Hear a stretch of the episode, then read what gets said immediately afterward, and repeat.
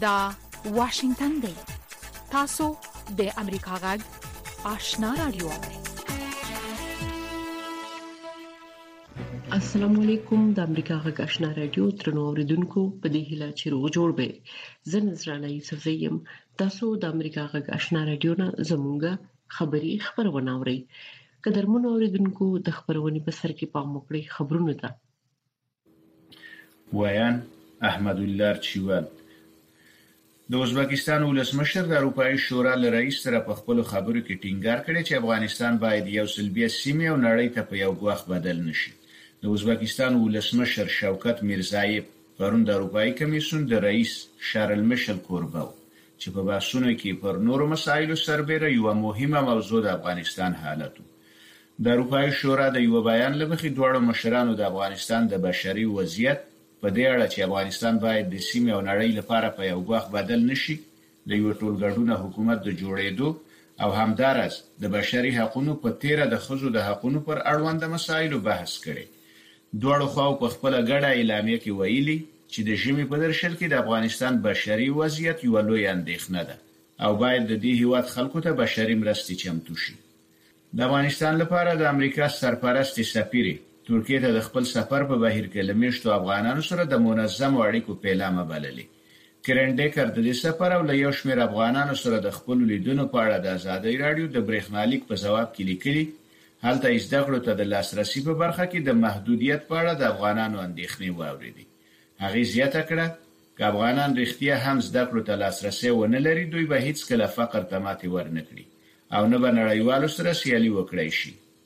د اریانا افغان هوایي شرکت د متحده عربي اماراتو العین ښار ته د الوتنو لړۍ له سره پېلوي. د باختر دولتي خبري اژانس د راپور له مخې، د اریانا الوتکې به له اوه کلن ځنډ وروسته د کابل او العین ترمنځ په اونۍ کې دوه ځلې تګ راتګ کوي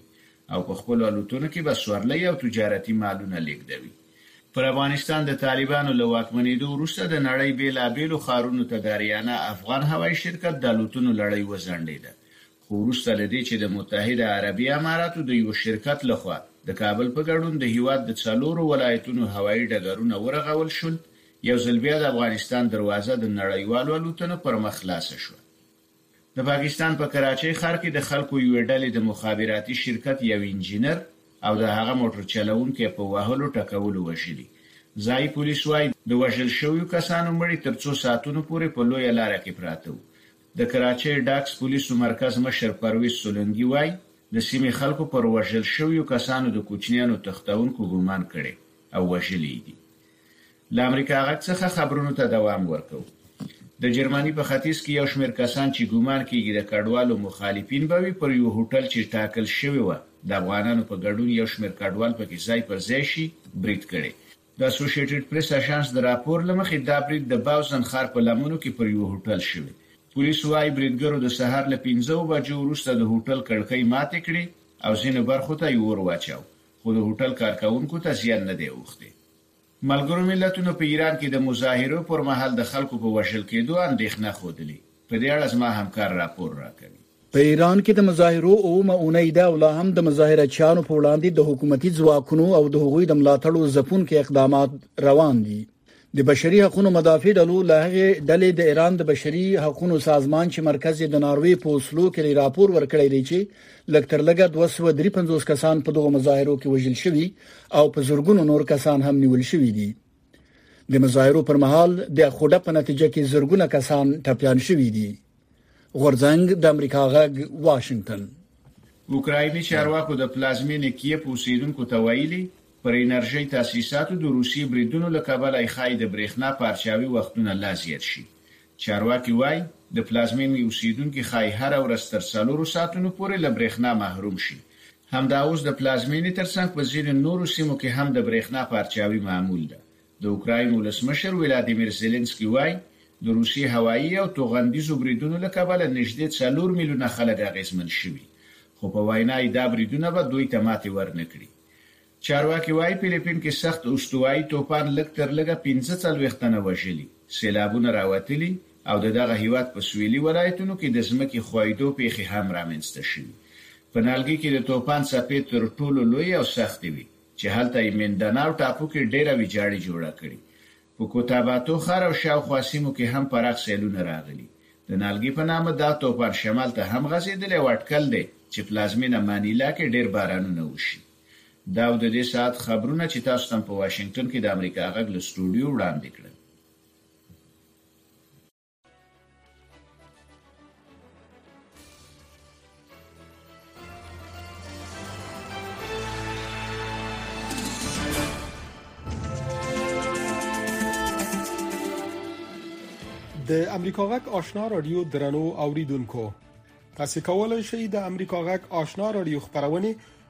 په منځنیو څپو دولس شپږ نوي او نهه سوه دوه اویا کیلو هرتز او لنډې څپې یوولس زرو پنځه سوه پنځه اویا باندې واورئ. د امریکا غږشنا رادیو درنو اوریدونکو تاسو خبرونه واوریدل پام وکړئ زموږه د خبرونې لومړی رپورت ده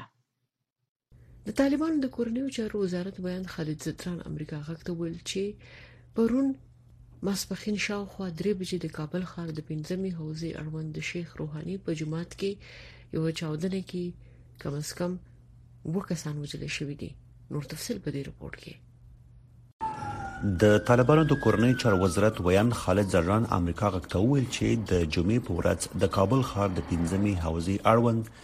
د شیخ روحاني په جماعت کې چاودنه کې لږ تر لږه و کسان ټپيان شوي دي په افغانستان کې ورستیو نه امني او خلک اندېښمن کړي وایي که څه هم طالبان د امنیت په اړه ډاډ ورکړی وو خو هغوی د امنیت په ټینګولو کې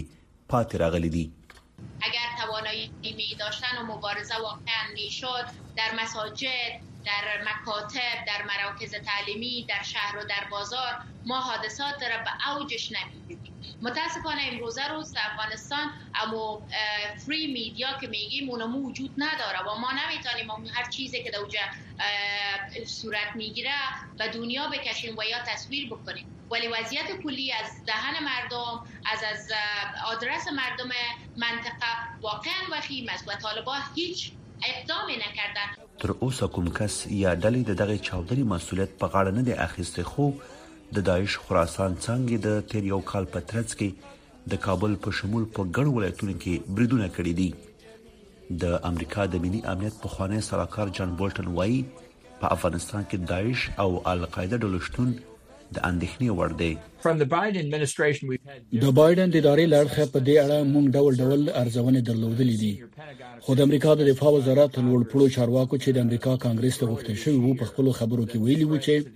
پر امریکا له افغانستان څخه راټوکېدلې د داعش او القاعده د برید خطر ډیر جدي دی خو د دې معنا دا نه ده چې دوی دې همدا اوس دا برید وکړي حقیقت دا دی چې د دغه ګروپونو چې دا مهال په افغانستان کې پټنځایونه لري لخوا خطر نه یوازې زمونږ بلکې د هغو هیوادونو چې دغه ګروپونه پرې برید کول غواړي لپاره د اندېښنې وړ دی بلخوا د پاکستاني طالبانو تحریک دوه قومندانان اسد الله پهلوان او مدثر اقبال د افغانستان په کندهار ولایت کې وژل شوې دي چېرونکو وایي د کسانو وژل کېدل د وی سیستماتیک لوبې برخه ده د افراد او اشخاص په شکل د یو دوکې راوستل کیږي هغه سره خبرې کیږي هغه ته شنه څراغونه ورکول کیږي کله چې دوی د افغانستان ساحې ته ور داخل کیږي بیا دوی په خپل باندې معلومات اسلام اسلام آباد ته ورکول کیږي یا اسای ته ورکول کیږي او هغه د یو خاص عملیاتو په ترڅ کې دا خلک لمنځه وړي نو دا دا یو طرح ده یو منظمه سیستماتیکه طرح ده چې په دې باندې دواړه لور باندې هوکړه تر رسیدلې خو د پاکستاني طالبانو تحریک د دغه کسان د وژل کېدو مسولیت تر اوسه کوم کس یا ډلې په غاړه نه دی اخیسته له دې ټولو سره سره افغانستان لپاره د امریکا ځانګړي استاذي ټام وست د افغانستان پخوانی ولسمشر حامد کرزي سره په خبرو کې د افغانستان د راتلونکي په اړه د بین الافغاني خبرو د پیلیدو پر اړتیا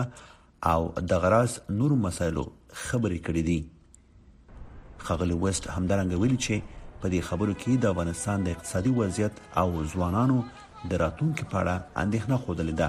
او زیاته کړې ده چې نړیواله ټولنه له افغانستان سره خپلو بشري مرستو ته دوام ورکوي خو وایي د طالبانو حکومت باید په خپلو ژمنو عمل وکړي وحید فیضي امریکا غږ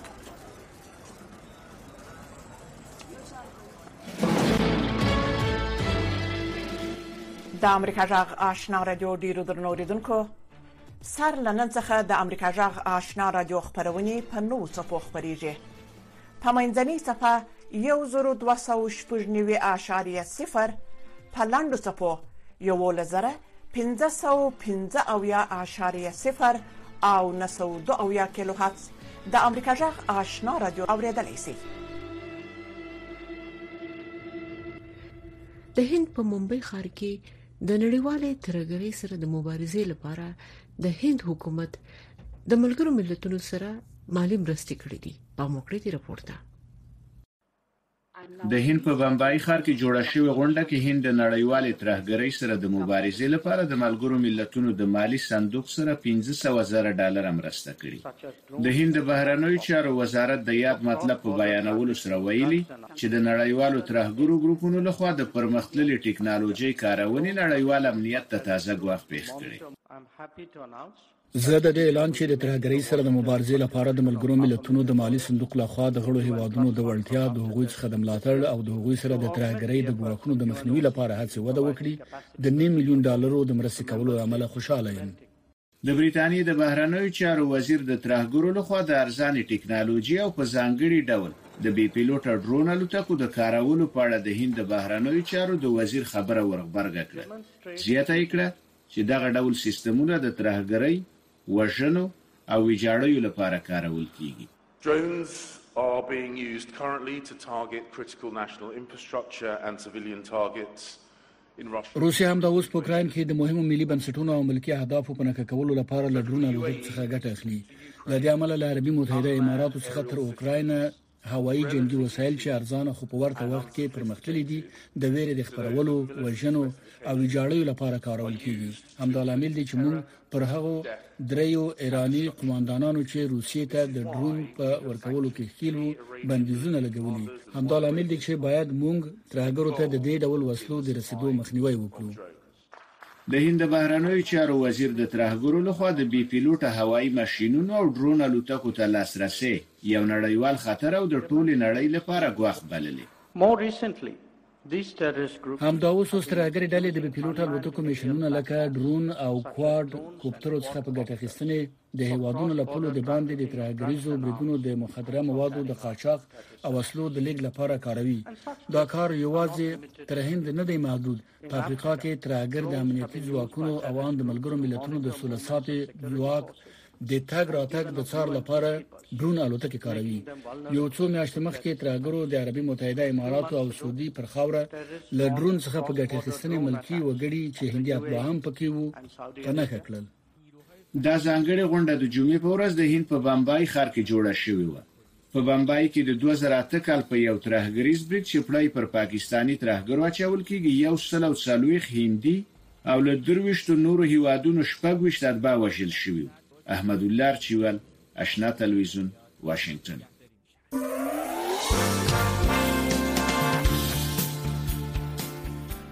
سپینې خبرې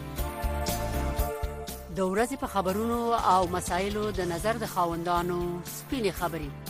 او د اوریدونکو نظرونه هر مخام د اتو بجو نه تر نه بجو پورې د امریکا غږ آشنا رادیو یو ساعته پښتو او دری خبرونه د امریکا ولسمشر جو بایډن د نومبر د اتمې نیټې تر ټاکنو وړاندې د خپل دیموکرات ګوند لپاره د ملاتړ جلبولو په موخه په خپل اقتصادي ایجنډا تمرکز کړی دی خو جمهور غوښتونکي پر وړاندې په لوړ انفلاسیون د انرژي په بیو او د کرونا د وبا او د یوکرين د جګړې لمحاله په اقتصادي اندېښنو باندې تمرکز کوي پام وکړئ د رپورت ته د پنجشنبې په ورځ په داسې حال کې چې د ټاکنو ورځې ته تر دوه اونیو لږ وخت پاته دی، ولسمشر جو بایډن شمالي نیویارک ته ولاړ ترڅو د اتحادیې کارکوونکو ته ووایي چې د نوموړي اداره د اقتصاد مدیریت څنګه تعریفوي. موږ په ډېر ښه وضعیت کې یو، د دندې له پیل څخه تر اوسه مو لس میلیونه دندې رامنځته کړې دي چې دا د امریکا په تاریخ کې د هرې ادارې لپاره یو ریکارډ دی. بېکاري درې اعشاریه پنځه سلنه ده چې دا په تېرو پنځوس کلونو کې تر ټولو ټیټه کچه ده. پنځه اعشاریه څلور میلیونه امریکایانو د کوچنیو سوداګریو د پیل اراده کړې ده چې دا د امریکا په تاریخ کې تر ټولو لوړه کچه ده. د ولسمشر بایډن اداره چې پر کوم استدلال ټینګار کوي هغه دا دی چې سره له دې چې د تېلو په بیو او انفلاسیون کې د ریکارډ په کچه لوړوالی راغلی، خو د اقتصاد د روغتیا اصلي ارزونه د دندو د پراخوالي په څېر لویو شاخصونو پر بنسټ ممکنه ده. رایه ورکوونکي څه فکر کوي؟ امریکا غږ د لویدیځ او کم میشتي وایومنګ ایالت چې د جمهوري غوښتونکو د ملاتړ مهمه سیمه ګڼل کیږي د یو شمېر رایه ورکوونکو سره مخ شوه. کله چې ډونالد ټرمپ ولسمشر و، اقتصاد سم و، د خلکو تقاعد په ښه حالت کې و، هر څه سم و، خو له هغه وخته چې هغه له سپینې ماڼۍ تللی، اوس تاسې ګورئ چې هغه هر څه ځپل کېږي او په ډېره ناوړه بڼه یې رالوېدل پیل شوي دي. جمهوري غوښتونکي د نومبر د اتمې نېټې تر ټاکنو وړاندې په پراخه کچه یوه خبره بدرګه کوي، هغه دا ده چې دا مهمه نه ده چې نوماندان د کومو څوکیو لپاره مبارزه کوي، خو که یې وګټي، په هره بڼه چې وي، د بایډن مخالفت به کوي. هر څوک چې زموږ راتلونکی والي کېږي، باید د درېدلو وړتیا ولري او د جو بایډن او د هغه د ناوړو پالیسیو چې زموږ ټول هېواد ځپلی، په وړاندې مبارزه وکړي. لکه څنګه چې په دې جدول کې معلومېږي، د تېر کال په اوږدو کې د امریکایانو د ژوند لګښتونه لوړ شوي دي. او د دې جدول څخه معلومیږي چې په امریکا کې د انفلاسیون کچه د یوو بډایه هیوادونو د منځنۍ کچې څخه اته اعشاریه یو سلنه لوړه ده خو د نړیوال انفلاسیون تر منځنۍ کچې ټیټه ده. اساساً چې موږ کله د خلکو څخه د دوئ د یوې تر ټولو مهم موضوع پوښتنه کوو، اقتصاد تر بلې هرې موضوع لږ تر لږه درې برابره زیات ورته مهم دی.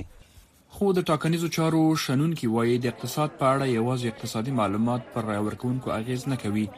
بلکې د دوی خپلې اقتصادي اندېښنې ورته مهمې وي. زه فکر کوم چې دا موږ ته راښيي چې امریکایان خپل اقتصاد ته اندېښمن دي، د پراخ اقتصادي وضعیت په اړه اندېښنه لري او تر یوه ځایه پر هغه چا چې هغه وخت واکمن وي د دې پړه اچوي چې دا مهال ډیموکرات ګوند دی ځکه نو د دې امکانات شته چې منځمهال ټاکنې به د ډیموکراتانو لپاره ننګونکې وي. کان به د نومبر په اتمه د ټاکنو په ورځ وګوري چې اغېزې څه پایله لري. مومن خان واحدي د امریکا غږ واشنگټن د امریکا غک آشنا رادیو درنو اوریدونکو تاسو کولای شئ د امریکا غک آشنا رادیو خبرونه په منځنیو څپو دولس شپږ نوي او نهه سوه دوه اویا کیلو هرتز او لنډې څپې یوولس زرو پنځه سوه پنځه اویا باندې واورئ دا وخت په پاکستان کې هغه افغان مهاجرین چې په امریکا کې د ځانګړي ویزو د اخیستلو لپاره عریضې ورکړې دي انتظار باسي پام وکړئ د موسکا ساپۍ دی رپورټ ته د تیر کال د اګست له 15 نیټې راځي په سلګونو زره افغانان له هواده وتلو تاړ شوي چې پکې د اس آی وی یا د کډوالۍ د ځانګړو ویزو په زورګونو غوښتنلیک ورکوونکي افغان کډوال هم شامل دي له دې ډلې تر 1500 ډیر یې د پاکستان په بیلابیلو سیمو په تیر بیا پلازمین اسلام آباد کې میشت دي او د ویزو ترلاسه کولو ته انتظار کوي د لغمان ولایت اوسېدونکی مشعل شېرالله چې په افغانستان کې یې د امریکا په یوه پروژه کې د سلاکار په توګه کار کو، له اتو میاشتې راهیسې په پاکستان کې اوسېږي او د کډوالۍ د ځانګړې ویزې له ورو بهیر څخه سر ټکوي. چې موږ کله پاکستان ته راغلي یو، دا موږ په خپله رضامندي نه یو راغلي، د دوئ په غوښتنه موږ سره شواهد ایمیلونه پراته دي ایمیلونه یې شته موږ ته دوی ویلي چې هر کله که تاسو په دې توانېږئ چې سیوم ملک یا دریم ملک ته ترډ ملک ته تاسو خپل کیسونه ترانسفر کړئ نو په دغه صورت کې موږ تاسو سره همکاري کوی شو دلته موږ سره هیڅ نوع مرسته مالي تخنیکي هیڅ همکاري شتون نه لري دغه څو غوښتنې زموږ ډېرې عمده دي یو دا چې زمونږ کیسونه دې زر پراسس شي تر چې مونږ ویزه ترلاسه کړو ویزه ایشو شي بل دا ده که دا کیسونه زمونږ زر دو دې نسیم پراسس کولی حد اقل زمونږ دپاره د یو امکانات یو بدیل لاره پیدا کړي د امریکا لخوا د اعلان شو ویزو غوښتونکي وایي چې له تیر یو کال راهیسې یې هیڅ ډول مالي مرسته نه ده ترلاسه کړې او هغه څه چې ورسره وو اوس په ختمېدو دي دوی وایي که دا پروسه نور هم ځنډیږي نو ورته غوره ده چې بیرته هیواد ته ولاړ شي من و امثال ما همه ایسایوی داریم و کارا هیچ پروسیس نمیشه هیچ پیش نمیره تقریبا یک سال میشه که از کارای ما هیچ نتیجه در دست نیست فقط ایمیل میاد که تحت پروسیس است و ما سخت تحت فشار وضعیت اقتصادی هستیم بنان ما ترجیح میتیم مرگی را که در افغانستان باشیم از مرگی که از گرسنگی و تشنگی و بی سرپناهی اینجا با مشکل مواجه باشیم و بمریم اما ملتیپل ویزه که بگیره یک سال است اما بعد از یک سال باز چه کار کنه معمول این پروسه ها هم چنان طولانی کردن که به یک سال هم جواب نمیدن یعنی ما یک سال یعنی به 12 نوامبر سال 2021 آمدم تا هنوز اینجا منتظر هستم و اتفاقا هیچ کاری نشده د دغه ویزو غوښتونکي وایي چې په دې پروسه کې له دوی څخه پاسپورټونه اخیستل شوي او ځینې پاسپورټونه له ویزې پرته بیرته ورکول شوي چې دا د اندېښنې وړ خبره ده. د دې ټولو شکایتونو په ځواب کې د امریکا د بهرنیو چارو د وزارت یوه ویاند د ایمیل له لارې امریکا غږ ته وویل چې امریکا د خپل ملي امنیت لپاره د دغو غوښتونکو پراخې ارزونې یا سکریننګ ته اړتیا لري او تر څو چې ډاډمن نه وي هیڅ چا ته به ویزې نه ورکول کیږي. دا په داسې حال کې ده چې د روان کال د جولای په اتلسمه د امریکا د بهرنیو چارو او کورني امنیت وزارتونو په یوه ګډه اعلامیه کې ویلي وو چې افغانانو ته د مهاجرت د ځانګړې ویزې یعنې SIV د اخیستلو بهیر به ساده کوي. د ایس آی وي یا د ځانګړې مهاجرت ویزې غوښتونکي د متحده ایالاتو له دولت څخه غوښتنه لري چې د دوی ستونزې دې جدي ونیول شي او ژر تر ژره دې ورته ویزې ورکړل شي موسکا ساپی امریکا غږ اسلام آباد ټول د حقایقو د پیدا کولو په لټه کې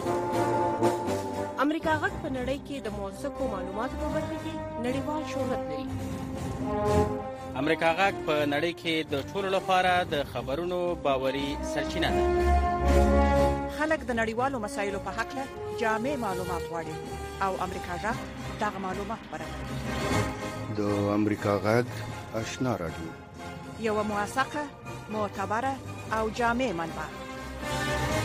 منځنۍ چپه 1290 او په 15 ښارونو کې اف ام 0.15 د افغانستان د کرکټ ملي ټیم لوبغاړي چې د استرالیا په سترو میدانونو کې د کرکټ شل اوریز نړیوال جام کې لوبېږي د دوی د کرکټ پیل په کابل کې د حضوري چمن له هغه خړ او د دوړو ډک میدان نشوي چرته چې نن هم افغان ماشومان کرکټ کوي او خپل راتلونکي ته لوړې هیلې لري نور حال په دې رپورت کې د کابل ښار په منځ کې د حضور چمن دغه میدان د جمعې پر ورځ د سلګونو افغان ماشومانو، هلکانو او ځوانانو لپاره د کرکټ شریک لوبغالی وي. په یو وخت پکې ګڼ ټیمونه لوبېږي او د لوبې نه خوند اخلي. همدغه د حضور چمن خړ پړ میدان دی چې څه د پاسه دوه لسیزې مخکې پکې د افغانستان د کرکټ پیل شو او محمد نبی او راشد خان غوندې لوبغاړي نړۍ ته وړاندې کړل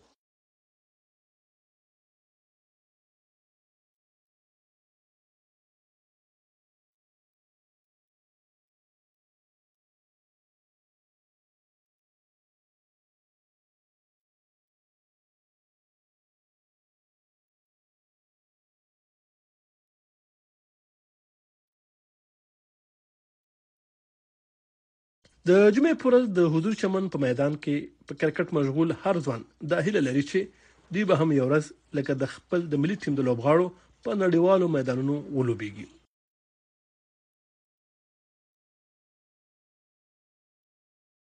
دلته په توپ اچونه او توپ وهنه کې مشغول هر لوبغاړی ځان د راشد خان او نجیب ځدران غوندې د نړیوال کرکټ راتلونکی ستوری ویني او وایي چې یو وخت به راځي چې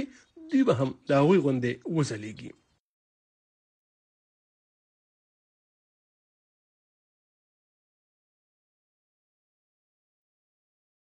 د افغانستان کرکټ په نړیواله ساحه ډیر لوړ مقام ګټلی دی، خو په کورني کرکټ کې د ډیرو اصلاحاتو او بهترۍ اړتیا لیدل کیږي. له مالي مشکلاتو سره سره د کرکټ مینوال دا هم وایي چې کورني کرکټ ته ډیر پام نه کیږي.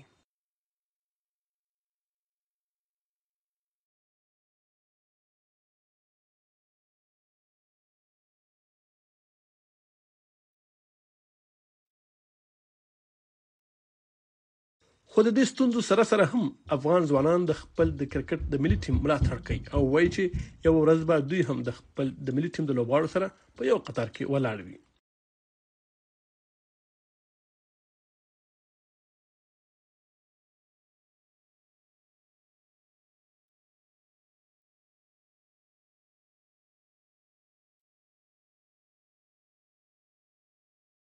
د افغانستان د نورو سکتورونو په څیر د کرکټ ډګر هم دا وخت د نړیوالو اقتصادي بندیزونو له کبله د مالی ستونزو سره مخ دی د کرکټ نړیواله شورا خپل مرستې د نارینه او د کرکټ سره سره د نجونو د کرکټ د فعالولو سره مشروط کړي دي او په اوسنۍ شرایطو کې د نجونو د کرکټ د پیل کېدو امکان تر لرې نه لیدل کېږي متي الله عابد امریکا غږ آشنا تلویزیون واشنگټن د واشنگټن څخه د امریکا جغ آشنا را دوه اوري په کونړ کې د پولیو د مثبتې پیښې له ثبت کېدو وروسته په دغه ولایت کې د عامه پوهاوي پروګرامونه چټک شوي او هغه کورنۍ هم خپل ماشومان واکسینوي چې وړاندې د پولیو واکسین په تړاو شکونه لرل ابوبکر علیزي رپورټ را لګلې له هغې ورځې چې د کونړ ولایت په مڼوګي ولسوالۍ کې د پولیو مثبته پېښه ثبت شوې، مسؤلین وایي چې واکسینو په تړاو د عامه ذهنیت جوړونې پروګرامونه یې چټک کړي او ډېری هغه کورنۍ یې واکسینو کولو ته اماده کړي چې وړاندې یې د واکسینو کولو په تړاو شکونه درلودل. په کونړ ولایت کې د طالبانو د عامې روغتیا ریاست سرپرست قاري مظفر مخلص امریکا غږ ته وویل، ستان په سطحه مونږ اوس دوه پېښې لرو چې یو د هغې نه د کونړ پېښه وه نو کله چې دا پېښه مو توسې وې د هغې نه چې مونږ کمې هلې ځلې کړې دي او عامه پوهاوی مو ترسره کړی خلمک مو واکسین ته هڅولي دي تر ډېره برخه کار شوی دی او د ولایت مقام سره هم په دغه برخه کې دوامداره غونډې شوي دي او د حج اوقافو ریاست او د امر بالمعروف ریاست د مسوولینو سره مو هم ناستې ترسره کړي او د هغې د لارې مو هم په ټول کونړ ولایت کې علماء کرام د منبرونو د لارې خلکو ته په پوره توګه عامه پوهاوی تر سره شوی دی او نور هم ضرورت شته چون د کونړ جغرافیه موږ او تاسو ته بیا را معلومه ده. قاري مظفر مخلص زیاته کړه چې وړاندې کومو سیمو کې واکسین کول ممکن نه وو او واکسیناتورانو به زړه ورته نښه کوو اوس ورکې د واکسینو کمپاینونه په خپل وخت تر سره کیږي. هغه ماشومان چې د واکسین نه بې برخې پاتې کېدل یا یې والدینو سره کوم منفي مفکوره موجود وه، هغوی ته عامه اګاهي ترسره شوې ده. نو په تېر وخت کې چې کوم ماشومان د واکسین نه بې برخې پاتې کېدل یا انکاري نو د هغې کچه تر ډېره حده راټیټه شوې نو په هغه وخت کې واکسین په پوره ډول ټولو ساحو کې نه تطبیقېدل. خلک وايي مړوګي ولسوالۍ کې د ګوزڼ وروستۍ پېښې دوی ویښ کړي څرګند خان امریکا غږ سره په خپلو خبرو کې وویل کونړ کې هغه انکاري کورنۍ چې پخوا وي اوس بیخي راکمې شوې دي او موږ په دې ډاډه یو چې د کونړ په ټولو سیمو کې عام ولسونه عام خلک په ښه ډول باندې واکسین ترسره کوي او خپل ماشومان له دغه واکسینو څخه برخمن کوي غوث الرحمن بیا وایي، ماڼوګي ولسوالۍ کې یوه د ګوزن پېښه ثبت شوې وه، نو په دې خاطر مې د ولسونو نه غوښتنه دا ده چې تاسو د واکسینو په جریان کې د واکسینو د ټیمونو سره همکاري وکړئ، خپل ماشومان راوباسئ، هغه ماشومان چې ویده وي هغه هم راپاڅوئ او د دوی سره همکاري وکړئ، تر څو د دغه ناعلاجه مرض څخه موږ او تاسو خلاص شو. په افغانستان کې ګوزڼ وهلي ناروغان تر ډېره بیا د کورنیو د اوږو بار وي. او د عمر تر پایه یې درملنه ناشونې وي.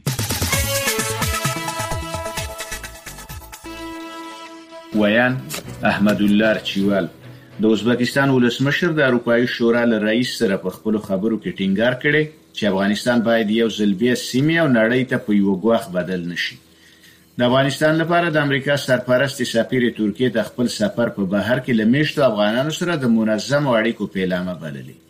هغې زیاته کړې، که افغانان رښتیا هم زده کړو ته لاس رسی ونه لري، دوی به هیڅکله فقر ته ماتې ور نه کړي او نه به له نړیوالو سره سیالي وکړای شي. د اریانا افغان هوایي شرکت د متحده عربي اماراتو العین ښار ته د الوتنو لړۍ له سره پیلوي. د باختر دولتي خبري اژانس د راپور له مخې، د اریانا الوتکې به له اوه کلن ځنډ وروسته د کابل او العین ترمنځ په اونۍ کې دوه ځلې تګ راتګ کوي او په خپلو الوتکو کې به سورلۍ، او تجارتي مالونه لېږدوي. د پاکستان په کراچۍ ښار کې د خلکو یوې ډلې د مخابراتي شرکت یو انجینر او د هغه موټر چلوونکی په وهلو ټکولو وژلي. ځايي پولیس وايي، د وژل شویو کسانو مړي تر څو ساعتونو پورې په لویه لار کې پراته وو. د جرمني په ختیځ کې یو شمېر کسانو چې ګومان کېږي د کډوالو مخالفین به وي، پر یوه هوټل کې ځای پر ځای شي برید کړی. د اسوشیټیډ پریس اژانس د راپور له مخې دا برید د باوزن ښار په لمنو کې پر یو هوټل شوی. ملګرو ملتونو په ایران کې د مظاهرو پر مهال د خلکو په وژل کېدو اندېښنه ښودلې. اوکرایني چارواکو د پلازمېنې کییف اوسېدونکو ته ویلي، پر انرژۍ تاسیساتو د روسیې بریدونو له کبله ښايي د برېښنا پارچاوۍ وختونه لا زیات شي. چارواکي وايي، فلیپین کې سخت استوایي توپان لږ تر لږه پنځه څلوېښت تنه وژلي، سېلابونه راوتلي او د هېواد په سویلي ولایتونو کې د ځمکې ښویېدو پېښې هم رامنځته شوي. په نالګي کې د توپان څپې تر ټولو لویې او سختې وې، چې هلته یې میندناو ټاپو کې ډېره ویجاړي جوړه کړې.